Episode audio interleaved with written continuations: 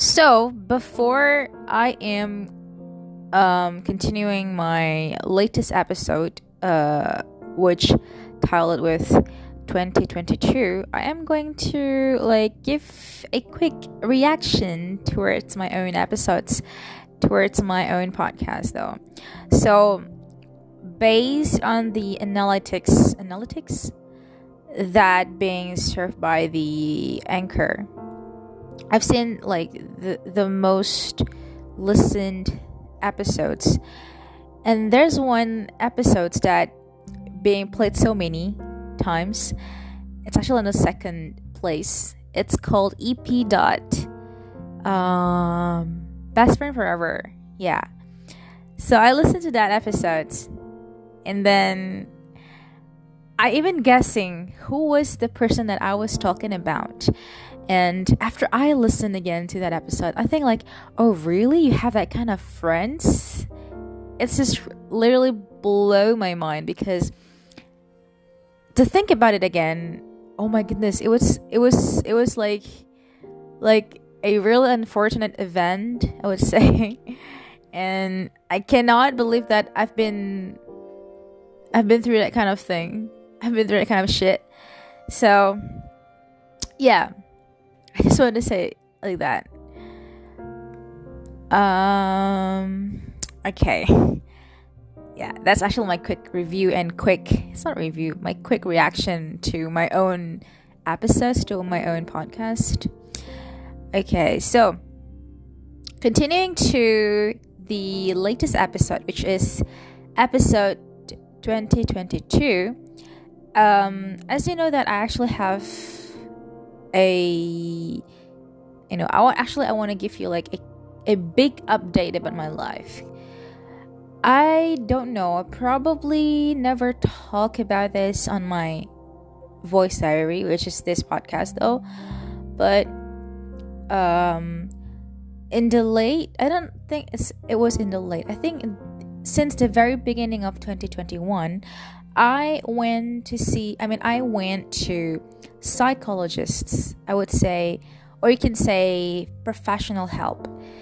Um, I went to the professional help like back and forth until the early 2022. Mostly at that time, I spent my time there to solve my problem. It's not like solve, but you know, quote unquote, solve my problem.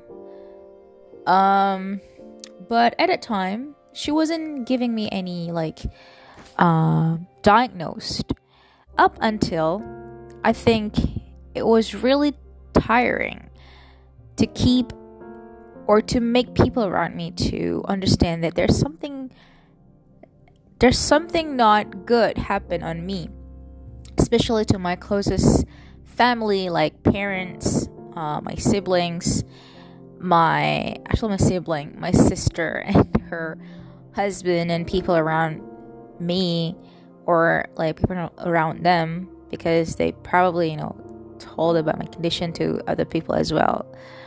So actually, I think I thought at the time my parents and people around me they really could not understand what happened to me. And at the time, my professional help, I mean, my, my therapist, she did not make any like comments or diagnose to my condition up until I asked her to, you know, um, let do let's do some test about me so that I actually can and know what happened on me, what happened to me, what's going on. And then um, I took a test. I actually kind of forget what's the name of it. Probably later on, I, I'll, up, I'll update it. What what's the name of the test?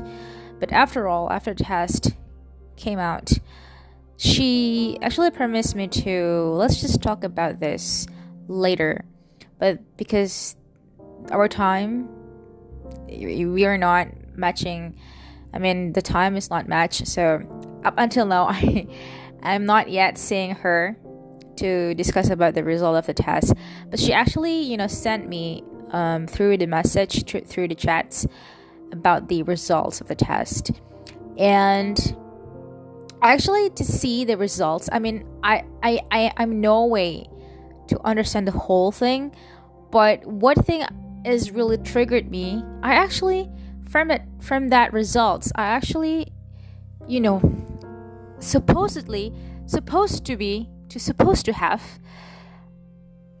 depression, a major depression. But then I confirmed to her since she was the one who actually understand to read all the things from the test results, right? So I asked her, so is it true that I am I was, you know, I was I was having major depression um and then she said oh no you're not having that but you're getting uh an anxiety disorder. It's a gad general anxiety disorder. You know what? At a time when i am diagnosed with gad actually one thing for sure i was relieved.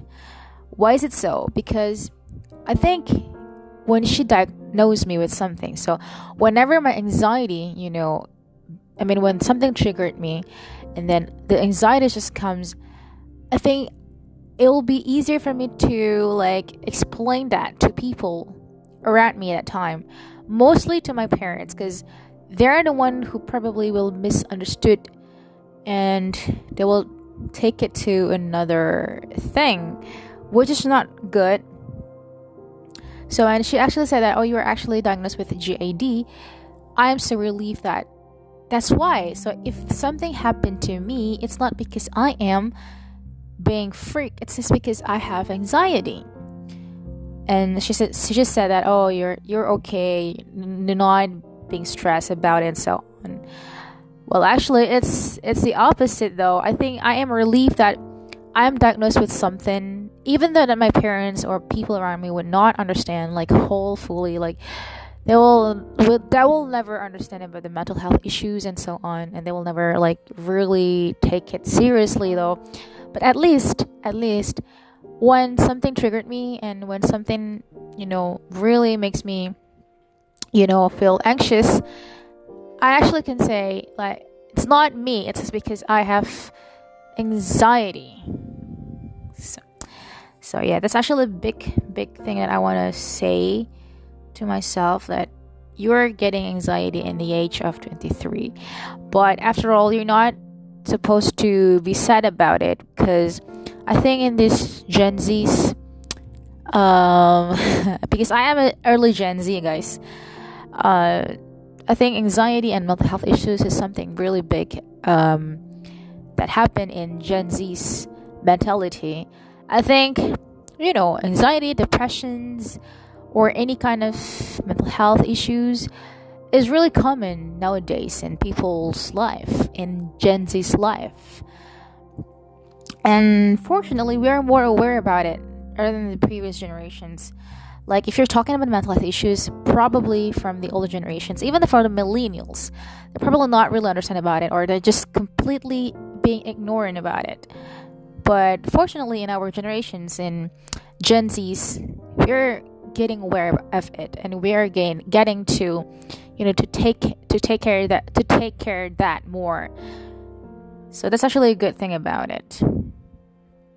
So yeah i just want to give you like a big update a quick update about what is happening what was happening throughout the year in the early 2022 actually i would say the early 2022 was not really good for me. It was like it wasn't like a really good starter like even in the first January, you know what?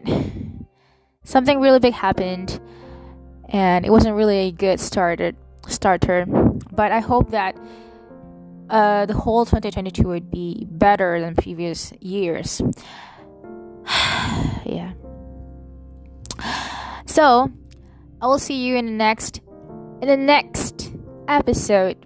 I don't know will when will I update this, but yeah. Oh, and you know what? Actually, um, side notes, I'm making another episodes for today. actually it's tonight because it's already night um is because i am having a an anxious moment and anxious things that really triggers my anxiety and actually makes me overthink oh and by the way guys i think um it's easy to say but of course it's really hard to do but yeah you know the anxiety things the anxiety happen because you're overthink. So please please please. I know this is sounds bullshit but i think it's better to not think about something that is makes you like feel inferior or makes you sad because once you think about it you you you cannot stop to think about it. And in the extreme levels it actually triggered your anxiety. And it makes you it will actually make you anxious. So please just i mean this is bullshit but please just don't overthink. Because that's the start of everything okay see you in the next video. Oh video? It's not a video this is a podcast. See you in the next episodes of podcast um good night nighty night